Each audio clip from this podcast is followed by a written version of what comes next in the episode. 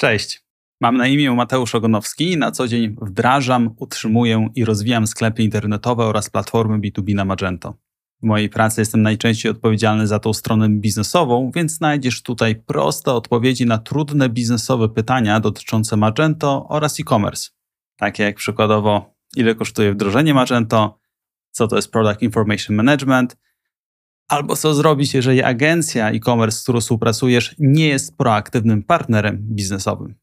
Dzisiaj odpowiadam na pytanie, na które chciałem odpowiedzieć już bardzo dawno. W sensie, że to jest po prostu tym tematem, powiem Wam szczerze, że jaram się jak pochodnia.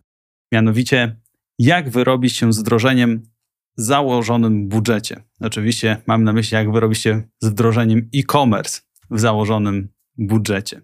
I ktoś mógł powiedzieć, że no tutaj musimy zrobić bardzo długi wywiad, zanim dojdziemy do tej odpowiedzi. Natomiast jak zawsze na samym początku prosta odpowiedź na to trudne biznesowe pytanie. Odpowiedź brzmi po prostu w czasie rozmów z agencjami e-commerce, od których będziesz zbierał ofertę, mów, że tak naprawdę masz 60% założonego twojego takiego maksymalnego budżetu, który chciałbyś wydać na ten projekt. Tak na dobrą sprawę mógłbym to rozwinąć od 60 do 80%. W skrócie, jeżeli przykładowo masz 500 tysięcy złotych na wdrożenie sklepu, powiedzmy na Magento, to powiedz agencji e-commerce, z którą rozmawiasz i od której chciałbyś otrzymać ofertę, że masz 300 tysięcy złotych. No, ewentualnie, jeżeli masz taką nutkę ryzykanta w sobie, to powiedz, że masz 400 tysięcy złotych. Jeżeli tak powiesz, to masz duże prawdopodobieństwo, że ostatecznie po już przygotowaniu oferty, po przeprowadzeniu analizy biznesowej, przedwdrożeniowej, po wdrożeniu tego sklepu internetowego okaże się właśnie, że ten końcowy budżet wynosi 500 tysięcy złotych, które założyłeś sobie na samym początku. I to jest tyle, jeżeli chodzi o prostą odpowiedź na to trudne biznesowe pytanie. Jeżeli zależało Ci na uzyskaniu tej odpowiedzi, no to jest to w zasadzie wszystko. I uzbrojony w tą wiedzę możesz iść i zbierać oferty od agencji e-commerce. Natomiast jeżeli chciałbyś albo chciałabyś trochę dokładniej zrozumieć, z czego wynikają te procenty i jakim to sposobem w ogóle wymyśliłem tą kwotę i tą, i tą wartość, no to zapraszam Cię oczywiście do dalszego słuchania, żeby zyskać jak największą wiedzę w tym temacie.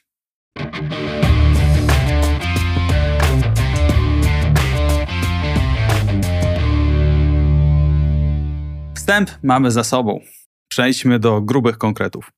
Grube konkrety są takie, że całą historię powinniśmy zacząć od tego, żebyśmy ustalili wspólnie, że mówimy o wdrożeniu e-commerce'u open source, czyli mówimy o wdrożeniu czegoś takiego jak nie wiem, Sylius, Magento, Shopware 6, Presta, coś w tym stylu. Nie mówimy tutaj o wdrożeniach sasowych, nie mówimy też o wdrożeniu jakichś, chociaż dedyków to też dotyczy tak naprawdę rozprawy, więc możemy ustalić, że to są open source'y i dedyki. I teraz drugie pojęcie, które chciałem wdrożyć już na samym początku, to jest time and material, czyli rodzaj rozliczenia z agencją e-commerce albo software house'em, w którym rozliczasz się za przepracowane godziny. Czyli jeżeli dana funkcjonalność do stworzenia wymagała pracy 12 godzin, to ty płacisz za 12 godzin pracy danej agencji e-commerce zgodnie ze stawką, z którą rozliczasz się z tą agencją. Weźmy sobie dla przykładu 250 zł. Więc Twoja końcowa kwota, którą zapłacisz za coś, to jest 12 godzin razy 250 zł. Dlaczego to jest tak ważne?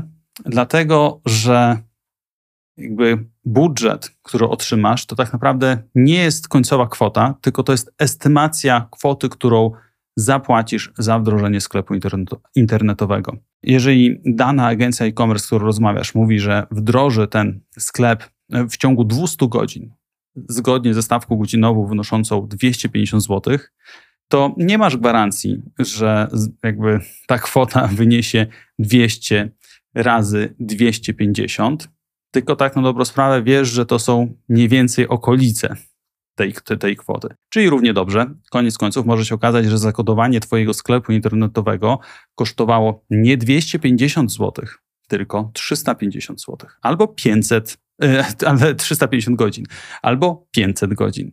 To może bardzo się różnić. No i teraz, Wiemy już, co to jest rozliczenie time material. Rozliczenie time i material to jest po prostu rozliczenie zgodnie z liczbą przepracowanych godzin. W skrócie płacisz za godziny, które agencja e-commerce poświęca na to, żeby stworzyć Twój sklep internetowy. No i idźmy z naszą historią dalej. Załóżmy, że zbierasz ofertę od agencji e-commerce. Ta agencja e-commerce mówi, że kwota, za którą stworzy Twój sklep internetowy, to jest kwota X. I Ty mówisz, OK, fajnie, za X mm, biorę. Róbcie. I ta agencja e-commerce mówi: Dobra, to robimy. Zaczniemy od analizy przedwdrożeniowej. Nauka pokazuje, że zazwyczaj na etapie analizy przedwdrożeniowej zakres projektu rośnie. Czyli okazuje się, że jak poznałeś możliwości danego rozwiązania e-commerce, okazuje się, że no jednak stwierdziłeś, że warto coś jeszcze dodatkowego wdrożyć, o czym w ogóle nie rozmawialiście na etapie oferty, ale z drugiej strony też okazuje się, że na etapie oferty nie pomyślałeś o jeszcze dwóch jakichś tam punktach dodatkowych. Przykładowo, że wymyślam teraz, żeby ktoś mógł e, złożyć zamówienie jako gość. Mówisz, no kurczę, fajnie by było jednak, żebyśmy mieli tą funkcjonalność, więc dodajesz te funkcjonalności. No i okazuje się, że zakres wdrożenia w stosunku do tej jakby do zakresu wdrożenia z pierwotnej oferty po prostu rośnie. Doświadczenie mówi, że ono zazwyczaj urośnie około 20%. To jest taki bezpieczny strzał i oczywiście pod, pod pewnymi warunkami, ale załóżmy na razie dla naszej matematyki 20%. I no i oczywiście po tej fazie, fazie discovery agencja e-commerce mówi, dobra, no to mamy już dokładnie opisany ten zakres wdrożenia, w związku z czym zrobimy reestymację budżetu wdrożeniowego. No i teraz ona mówi, że no posłuchaj, e, to nie jest już wcale to x, o którym mówiliśmy pierwotnie, tylko to jest 1,2x. I teraz, jeżeli agencja e-commerce na samym początku nie zrobiła jakiejś bezsensownej oferty, która jest po prostu nie, ma, nie miała nic wspólnego z założeniami i wiadomo było, że ona jest jakby skonstruowana tak, żeby wyglądało na tanią, e, żeby wygrać przetarg, tylko jest po prostu no jakby normal, normalną ofertą, no to ona właśnie powinna jakby po tym etapie fazy discovery urosnąć o około 20%. Jeżeli ona rośnie pięciokrotnie, to znaczy, że ktoś troszeczkę pomalował trawę na zielono na etapie przygotowywania oferty. No ale dobra, mamy już ten temat, mamy fazę discovery zakończoną, mamy przygotowaną nową reestymację budżetu. Wiemy, że już ten budżet wynosi 1,2x. No i teraz agencja e-commerce tak, za kasę rękawy i dozorowi to koduje. Ona koduje, koduje, koduje i w pewnym momencie jakby upraszczam historię, ale sklep jest gotowy i jest uruchomiony produkcyjnie. I co się okazuje? Że to, że agencja powiedziała, że wyrobi się w tym budżecie 1,2x, że w ogóle, że wyrobi się w budżecie, który przedstawiła jako budżet już wdrożenia tej fazy Discovery, on niekoniecznie musi się zgodzić. W sensie, że niekoniecznie jest tak, że jeżeli agencja ci powiedziała, że wdroży to za 100, to na sam koniec to jest wdrożone za 100, ponieważ tak jak ustaliliśmy na samym początku, rozliczasz się za przepracowane godziny. No i znowu, nauka, doświadczenie wielu osób pracujących przy różnego rodzaju projektach mówi, że, i teraz przeczytam tobie to, ponieważ nie chcę się tutaj pomylić. Masz praktycznie 100% pewności, że ten budżet, który powstanie po tej fazie przedwdrożeniowej, żeby dowieść cały ten zakres, który został określony, zostanie przekroczony od 1 do 20%, to masz praktycznie 100% pewności, że on zostanie przekroczony. Tak to działa. Działa to między innymi dlatego, że programiści, którzy wyceniają dane zadania, zazwyczaj są zbyt optymistyczni w wycenianiu danych zadań oraz, że po drodze jednak pojawiają się przeszkody, które nie zostały przewidziane na etapie tej fazy discovery czy tej tak zwanej analizy przed, przedwdrożeniowej. No i okazuje się, że masz praktycznie 100% pewności, że ten budżet zostanie przekroczony mniej więcej w przedziale od 1 do 20%. Co więcej, masz 66% pewności, że zostanie on przekroczony od 21 do 40%. To się robi ciekawie i robi się jeszcze ciekawiej, ponieważ masz 33% pewności, że przekroczysz go gdzieś mniej więcej w przedziale od 41 do 65%. I około 5% pewności, że przekroczysz go o więcej niż 66%. Oczywiście jakby nie zgadzają się te e, wartości, ponieważ one są, znaczy nie sumują się do 100% pewności, ponieważ one są z przedziałami. No i w związku z tym, co się okazuje? No okazuje się, że tak na dobrą sprawę powinieneś po prostu, albo powinnaś założyć, że budżet, który został określony na etapie, po etapie fazy przedwdrożeniowej, po analizie przedwdrożeniowej zostanie przekroczony. Teraz w zależności od tego, jak pewnie się czujesz, albo jak bardzo e, lubisz podejmować ryzyko, no powinno się założyć, że ten budżet zostanie przekroczony od 20 do 40%. Wydaje mi się, że to jest takie założenie, gdzie większość ludzi po prostu zro, z, zrobi takie założenie. Jeżeli chcesz być turbo bezpieczny, no to powinno się e, założyć, że ten budżet zostanie przekroczony o 66%. Natomiast no to są już ekstremalne przypadki, w związku z czym powinieneś powiedzmy założyć, że to jest mniej więcej zapas około 40%.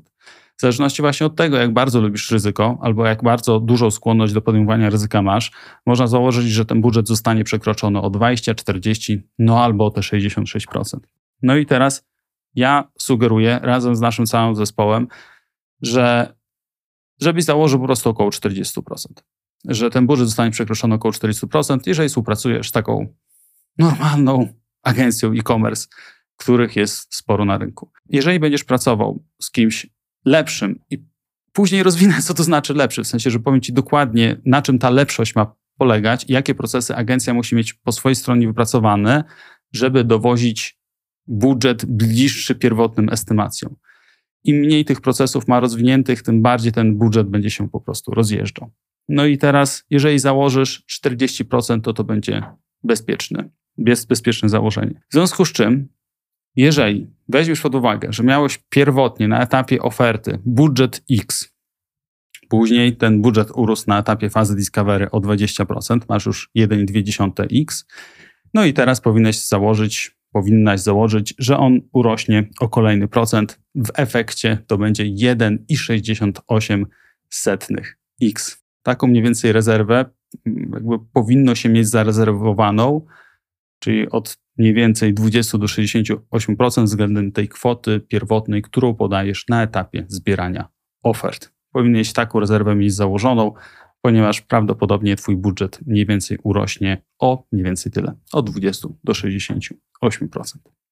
Dobra, na tym etapie to, co wiecie, to to, że prawdopodobnie budżet ostateczny wdrożenia Waszego sklepu internet, internetowego będzie różnił się od tej estymacji z oferty. I teraz każdy powinien zadać sobie w tym momencie pytanie: No dobra, Mateusz, fajnie, że to będzie się różniło. To wiesz co? Ja chciałbym, żeby te różniło się było jak najmniejsze. W sensie chciałbym, żeby ostateczny budżet projektu wdrożenia sklepu internetowego był jak najbliższy tej pierwotnej estymacji, którą otrzymuje na etapie oferty. I cóż, Mateusz, mam zrobić, żeby tak właśnie było? No i ja mm, śpieszę z odpowiedzią. Więc wypisałem sobie kilka punktów, które, jakby na które powinien zwrócić uwagę właśnie po to, żeby ten ostateczny budżet wdrożenia Twojego sklepu internetowego był jak najbliższy tym początkowym estymacjom z etapu oferty. I wszystko fajnie. I podzielmy sobie jakby zastanówmy się, w których dwóch miejscach powstaje ta różnica. Pierwsza różnica, która powstaje, to jest na etapie przeprowadzenia tej analizy przedwdrożeniowej. I tam powstaje pewna różnica w stosunku do tego pierwotnego, pierwotnej estymacji z etapu oferty. Później dzieje się druga różnica, która jest różnicą pomiędzy tym, co zostało wyestymowane po tej fazie przedwdrożeniowej i tym, co faktycznie zaistniało podczas kodowania sklepu internetowego. W związku z czym powinniśmy te nasze rekomendacje dotyczące tego, co zrobić, żeby te różnice były jak najmniejsze, podzielić na te dwa etapy. Jeżeli chodzi o pierwszy etap, czyli ten etap, gdzie pojawia się ta pierwsza różnica, o której mówiłem około 20%, żeby tam ta różnica była jak najmniejsza, to to, czego potrzebujecie i co naj, będzie miało największy wpływ na to, czy ta różnica będzie duża, czy ten budżet zostanie, jakby urośnie kilkukrotnie, czy urośnie tylko o 10%, a może tylko o 5%, albo o te znośne 20%, to największy wpływ na to ma to, kto będzie zarządzał analizą przedwdrożeniową po stronie agencji e-commerce. Moja mocna sugestia jest taka, żeby był to konsultant e-commerce z bardzo dużym doświadczeniem w e-commerce. Dlaczego? Ponieważ taka osoba potrafi, jest no trochę, jak to powiedzieć, umocowana do tego, żeby móc rozmawiać z tobą w sposób, że tak powiem, poważny i trochę z pozycji autorytetu w zakresie tego, co, albo przynajmniej partnerskim, w zakresie tego, co można pominąć, co rzeczywiście jest konieczne do wdrożenia, a co nie. Tendencja jest zazwyczaj taka, że na etapie fazy discovery pojawiały się nowe pomysły przeglądamy dokładniej oferty strony konkurencji i no, chcielibyśmy wdrożyć wszystko. Natomiast nie wszystko jest równie ważne i nie, i nie wszystko ma taki sam wpływ na generowany później przychód, na przykład na generowany współczynnik konwersji. I potrzebujecie osoby z zewnątrz, doradcy, tak na dobrą sprawę, który powie wam, wiecie co, te pomysły są fajne, ale nie wdrażajmy ich od razu, bo one zwiększą nam jakby no, budżet wdrożeniowy. Zastanówmy się, czy na pewno potrzebujemy tego. No posłuchajcie, chcecie tutaj wdrożyć one-step checkout. Po co chcecie go wdrożyć? No po to, żeby zwiększyć współczynnik konwersji. Ok, nie ma żadnych badań, które byłyby realizowane na serwisie na dużej próbce, które pokazywałyby, że one-step checkout generuje wyższy współczynnik konwersji nad wielokrokowym współczynnikiem konwersji. Czy na pewno chcemy to wdrożyć, bo to będzie kosztowało dużo pieniędzy i dużo czasu. No i potrzebuje się właśnie kogoś takiego, kto otworzy i zmoderuje taką dyskusję i kto będzie partnerem w czasie takich rozmów. Bo jeżeli po drugiej stronie będziecie mieli PM-a albo junior PM-a, który w ogóle jest odpowiedzialny za realizację, powinien być odpowiedzialny tylko za jakby zarządzanie projektem, a jest jakimś sposobem odpowiedzialny też za przeprowadzanie tej fazy discovery i na przykład na etapie w ogóle analizy biznesowej współpracuje z wami PM i deweloper, no to już wiecie, że tam, kurczę, brakuje osoby biznesowej. A jak brakuje osoby biznesowej, to ten PM będzie łykał wszystko jak pelikan, co mu podrzucicie. I powiecie, chcielibyśmy zrobić to. On powie, OK, to zapisujemy. A to też chcielibyście? Tak, to też chcielibyśmy. Dobra, to zapisuję. I okazuje się, że wasz końcowy budżet, jakby względem tej waszej oferty, urósł nie o 20%, tylko urósł trzykrotnie. I to są prawdziwe case'y. W sensie, że spotykamy się z tym, że rozmawiamy z klientami, którzy w ogóle są już po fazie discovery, ale okazało się, że na przykład różnica pomiędzy fazą discovery i pierwotną ofertą, która została przedstawiona na nich, jest tak duża, jest kilkukrotna, że oni zastanawiały się, co się tutaj zadziało, że ten budżet nagle tak bardzo urósł. I zastanawiają się, czy to aby na pewno w związku z tym jest zrobione dobrze. W związku z czym, jeżeli chcecie, żeby faza discovery nie spowodowała tego, że budżet, ta, ta, ta estymacja wdrożenia sklepu internetowego rośnie wam kilkukrotnie, potrzebujecie bardzo mocnej biznesowej osoby, która ma doświadczenie w e-commerce i ma doświadczenie w takim e-commerce, który wy będziecie ogarniali. Czyli jeżeli to jest akurat platforma B2B, fajnie było, byłoby, gdyby ten konsultant e-commerce miał doświadczenie w platformach B2B. Jeżeli tworzycie sklep B2C, znaczy sklep internetowy sprzedający w modelu B2C, potrzebujecie mocnej osoby, konsultanta e-commerce, który ma doświadczenie w takim właśnie biznesie. I na serio, to jest jakby najważniejsza najważniejsza różnica. Musicie mieć bardzo mocny zespół po stronie agencji e-commerce, którą wybieracie, na etap analizy przedwdrożeniowej. Tutaj, jeżeli będziecie mieli dobry zespół, to ogarnie Wam różnicę 10%, maksymalnie tą 20%. Będziecie mieli słaby, urośnie Wam w ogóle ta wycena kilkukrotnie, pięciokrotnie przykładowo. Miało być 300 tysięcy, ale jest jednak półtora miliona. Hmm, jak do tego doszło? Nie wiem. No i teraz to jest pierwszy etap, gdzie pojawia się ta różnica w cenie. Drugi etap, kiedy pojawia się różnica w cenie, to jest estymacja, która powstaje po etapie, po fazie discovery odbywa się kodowanie i nagle okazuje się, że kodowanie niech mnie drzwiczki ścisnął, no jednak jakby miało wynosić 500 tysięcy, a już wynosi 1,5 miliona. Jak do tego doszło? Wiem. Z czego wynika to, że wdrożenie zajmuje dużo więcej niż to zostało wyestymowane po fazie discovery. I tutaj rozpisałem dokładnie cztery punkty. Pierwszy punkt to jest jakość tej analizy przedwdrożeniowej. I teraz o co chodzi z tą analizą przedwdrożeniową, o której tyle trąbię? Analiza przedwdrożeniowa ma opisywać jak najlepiej zakres tego, co jest do zrobienia. I tutaj jest prosta historia. Jeżeli coś nie jest opisane w zakresie, to i to jest taka szara strefa, to ty myślisz, że to będzie wdrożone, a agencja e-commerce uwzględnia, że to nie będzie wdrożone. No i na koniec, no jednak okazuje się, że to trzeba wdrożyć. No i kto za to zapłaci, za to wdrożenie? No ty, bo rozliczasz się z agencją w modelu time material. Więc fajnie, że pierwotna wycena była troszeczkę niższa, ale faktycznie ten koszt tak czy inaczej poniesiesz, ponieważ to, co nie zostało dookreślone w fazie discovery, to ty za to tak czy inaczej zapłacisz. Więc to jest pierwszy punkt, gdzie pojawiają się w ogóle rozjazdy. Drugi punkt to jest taki, że jeżeli faza discovery słabo opisuje to, co jest do zrobienia, to programiści, którzy wyceniają realizację tego zadania, bardziej strzelają. Najczęściej strzelają 12-16, no ale doświadczenie też mówi, że 16-24, czyli że jak zupełnie nie wiedzą o co chodzi, to po prostu strzelają jakąś taką liczbą. Im zadanie jest gorzej opisane, im dana funkcjonalność jest mniej dokładnie opisana, tym ten strzał jest większy, a programiści mają tendencję do zaniżania godzin, w sensie, że strzelają za mało. Więc jeżeli coś jest słabo opisane, no, oni to czytają, mówią, kurczę, no pff, nie wiem do końca, co jest do zrobienia, ale powiem, że 16. Natomiast tak naprawdę to, co jest do zrobienia, to jest do zrobienia w 32 godziny. No i stąd bierze się znowu kolejny rozjazd, ponieważ ta analiza, faza discovery, no źle, za słabo opisuje to, co jest właściwie do zrobienia. No i jeszcze trzeci punkt. Dlaczego, jeżeli faza discovery opisuje słabo to, co jest do zrobienia, to prawdziwy budżet jest przekraczany? No to wynika z tego, że coś jest niedokładnie opisane, jak ma funkcjonować na sam koniec. No i sobie tam deweloper bierze to zdanie, mówi, no kurczę, tak do końca to nie jest opisane, ale zrobię założenie, że to powinno być tak zrobione. No i coś tam koduje, na przykład frontend. No i frontend jest w jakiejś funkcjonalności już zakodowany, no i ten project manager mówi, no proszę kliencie, patrz, zrobiliśmy. Ty tak patrzysz na to i mówisz, kurde, ale ja to inaczej sobie wyobrażałem, ja chciałem inaczej. I ten PM mówi, no hmm, hmm.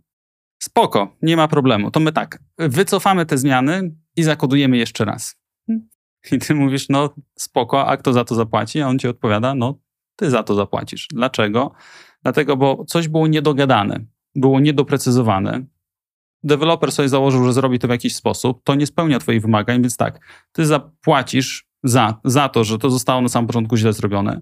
Później płacisz za cofnięcie zmian i później płacisz trzeci raz za zrobienie tego poprawnie, a powinieneś płacić tylko za zrobienie tego poprawnie. W związku z czym im mniej dokładnie faza discovery opisuje, czy ta analiza przedwdrożeniowa opisuje efekt końcowy i zakres projektu, tym te rozjazdy będą dużo większe. Oczywiście na, na plus, w takim sensie, że budżet będzie dużo większy niż zakładany na etapie estymacji.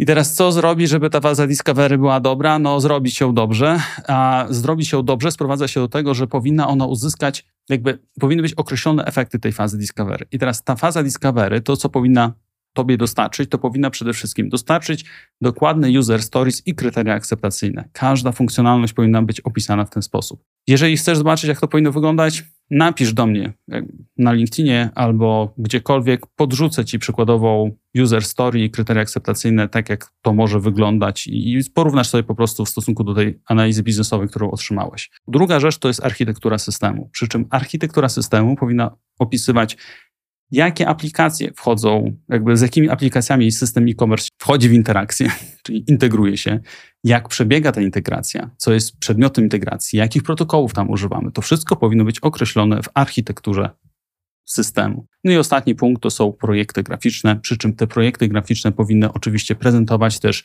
przynajmniej dwie rozdzielczości, mobile i desktop oraz wszystkie statusy. Czyli nie chodzi o to, żebyście dostali kartę produktu, ale żebyście też otrzymali kartę produktu, która pokazuje, OK, co się dzieje, jeżeli produkt jest niedostępny, a mamy projekt, który pokazuje, jak to wygląda.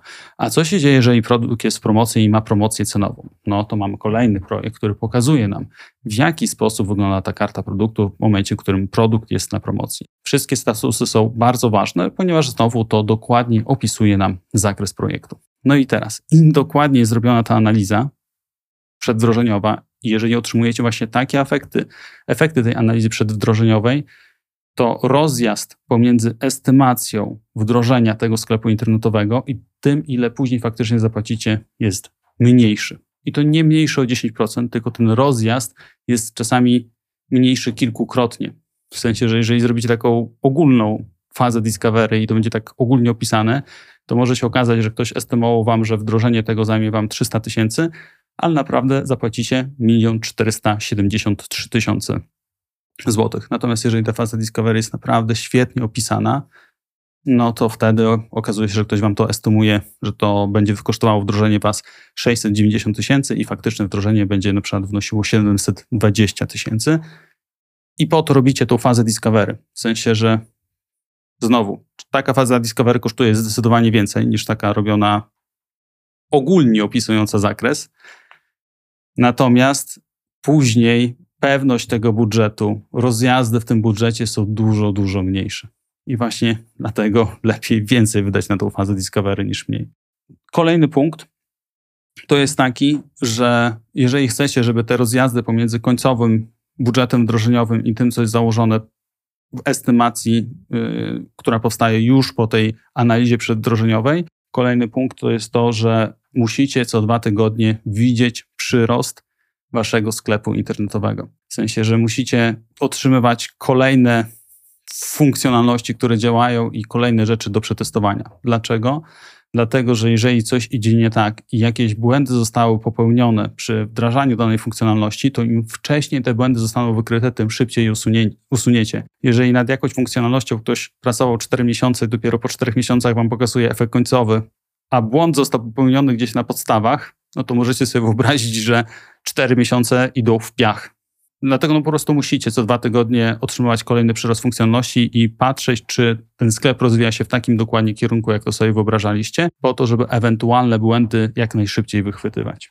Kolejny punkt to jest taki, żebyście jak najwcześniej zaczęli integrację, czyli jeżeli ktoś planuje e, w harmonogramie projektu, widzicie, że integracje, praca nad integracjami jest realizowana bardzo wcześnie, to to jest dobry znak. Sensie, że ktoś jakby przewiduje, że integracje są najtrudniejszym elementem projektu. Tam podobnie do tego punktu wcześniejszego mogą pojawić się największe błędy. Trzeba zacząć robić je jak najszybciej i znowu badać efekty rozwijania się tej funkcjonalności i tego, czy działa ona poprawnie i idzie w poprawnym kierunku.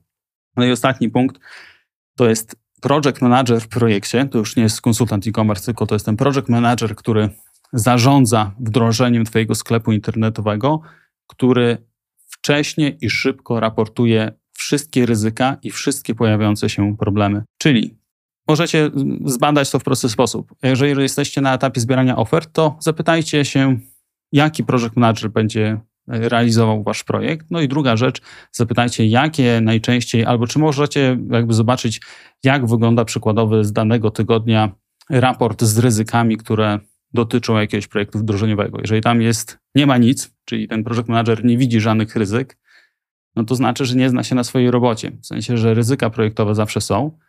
E, no i teraz chodzi o to, żeby te ryzyka projektowe były jak najszybciej zauważone i jak najszybciej omówione zostały kroki związane z adresowaniem tych ryzyk. Jeżeli macie to jakby ograne, to wtedy końcowy budżet wdrożenia będzie bardzo bliski tym estymacjom. Jeżeli nie, no to znowu ta końcowy budżet wdrożenia oddala nam się. I to już nie jest jakby nie jest tam przekroczenie o 10% czy 20%, tylko tam są przekroczenia o kilkaset procent, kilkukrotne po prostu. To w sumie jest wszystko, co, o, czym, o czym chciałem powiedzieć. W sensie, że wiecie, jak podejść do planowania budżetu i też, no ja wam powiedziałem trochę o tych prawdopodobieństwach. Wiecie, w jakim wypadku prawdopodobieństwo przekroczenia jakby tej estymacji budżetu jest duże, w jakim jest mniejsze oraz co robić, żeby te przekroczenia były jak najmniejsze. Na koniec taka jedna ważna konkluzja wynikająca z moich obserwacji rynku. Jak wybieracie agencję e-commerce do współpracy, to zwróćcie uwagę na dwie rzeczy. Jedna rzecz to jest oczywiście to, to, jest, to, to jest ten budżet. W sensie, że fajnie, że jedna agencja, na przykład mówi wam, no to będzie 480 tysięcy, inna wam powie 520, jeszcze inna 640, jak ktoś wam powie, to da się zrobić za 140 tysięcy. I teraz wszystko jest spoko, jakby to było na tyle proste, że mm, prawdopodobieństwo przekroczenia tej estymacji jest w każdym agencji e-commerce takie same. Natomiast to, na co powinniście zwrócić uwagę, to to, że no nie chodzi i wyłącznie o porównanie tego budżetu, ale chodzi też o ocenę prawdopodobieństwa przekroczenia tego budżetu przez daną agencję e-commerce. Czyli fajnie, że ktoś wam powie 640 tysięcy, ale może prawdopodobieństwo przekroczenia tego budżetu, oceniając tą agencję z boku, patrząc właśnie na te rzeczy, o których wam powiedziałem i na te procesy, widzicie, że ona ma ogarnięte te wszystkie procesy, więc mówicie, OK, tutaj prawdopodobieństwo przekroczenia tego budżetu jest stosunkowo niskie. Ktoś inny wam mówi, mówi 380 tysięcy, no ale patrzycie na to, w jaki sposób oni realizują projekty. Widzicie, że ok, tam jest, nie ma konsultanta e-commerce. Ktoś wam podsyła przykładową fazę, przykładowe efekty fazy discovery i tam po prostu jest jakiś plik wordowy na 50 stron, no to już wiecie, że tam ten budżet zostanie przekroczony kilkukrotnie. No i to, że tam na samym początku w ofercie to jest 380 tysięcy, to jest spoko, ale macie powiedzmy tam 60% prawdopodobieństwo, że to nie będzie 380 tysięcy, tylko 1 480. No to, co chciałbym po prostu przekazać, to to, że zwracajcie uwagę nie tylko na sam poziom budżetu, ale też na prawdopodobieństwo tego, o ile, jak duże jest prawdopodobieństwo, że ten budżet może zostać przekroczony w przypadku konkretnej agencji e-commerce. No i w ten sposób podejmujecie decyzję. Bo koniec końców ten bu końcowy budżet będzie inny niż ten z oferty. I teraz chodzi o to, żeby wybrać taką agencję e-commerce, gdzie ten rozjazd będzie jak najmniejszy i on jak najbardziej będzie trzymał się w ryzach i będzie jak najpewniejszy. To tyle, jeżeli chodzi o dzisiejszy odcinek. Bardzo dziękuję Wam, e, że wysłuchaliście go, mam nadzieję, do końca. Jedziemy z krótkim podsumowaniem. Pytanie było, jak wyrobi się z wdrożeniem e-commerce'u open source albo dedykowanego w założonym budżecie? Prosta odpowiedź na to trudne biznesowe pytanie jest takie, że załóżcie, że jeżeli chcecie mieć budżet X na sam koniec, to mówcie agencji e-commerce na etapie zbierania ofert, że macie tak naprawdę 60 albo 80 X. Mniej więcej w tym przedziale się poruszajcie. Dzięki temu gdzieś na sam koniec, jeżeli wybraliście agencję, która robi dobrą analizę biznesową, i jeżeli wybraliście agencję, która robi dobrą robotę, poprawną przy kodowaniu, no to na sam koniec wasz budżet wyniesie rzeczywiście założone X. To tyle, jeżeli chodzi o dzisiejszy odcinek. Na sam koniec mam do Was olbrzymią prośbę. Moja prośba jest taka, że jeżeli podoba, podoba Ci się kontent, który tworzymy tutaj, bo nie jestem tylko ja, ale pracuje ze mną sporo osób przy, przy tworzeniu tego kontentu, dajcie kciuka w górę, będzie to dla nas znak, że robimy dobrą robotę. Natomiast jeżeli jesteś na etapie takim, że zastanawiasz się nad wdrożeniem akurat Magento, no to pogadajmy. Napisz do mnie proszę na LinkedIna albo po prostu wyślijcie nam wiadomość poprzez formularz kontaktowy na naszej stronie internetowej. Pogadamy dokładnie o Twojej sytuacji, zobaczymy, czego dokładnie potrzebujesz. Zrobimy Tobie rzetelną estymację wdrożenia sklepu internetowego oraz pokażemy, w jaki sposób proponujemy działać, żeby na sam koniec ten końcowy budżet wdrożenia był jak najbliższy tej pierwotnej estymacji. Dzięki bardzo. Do zobaczenia za tydzień. Cześć.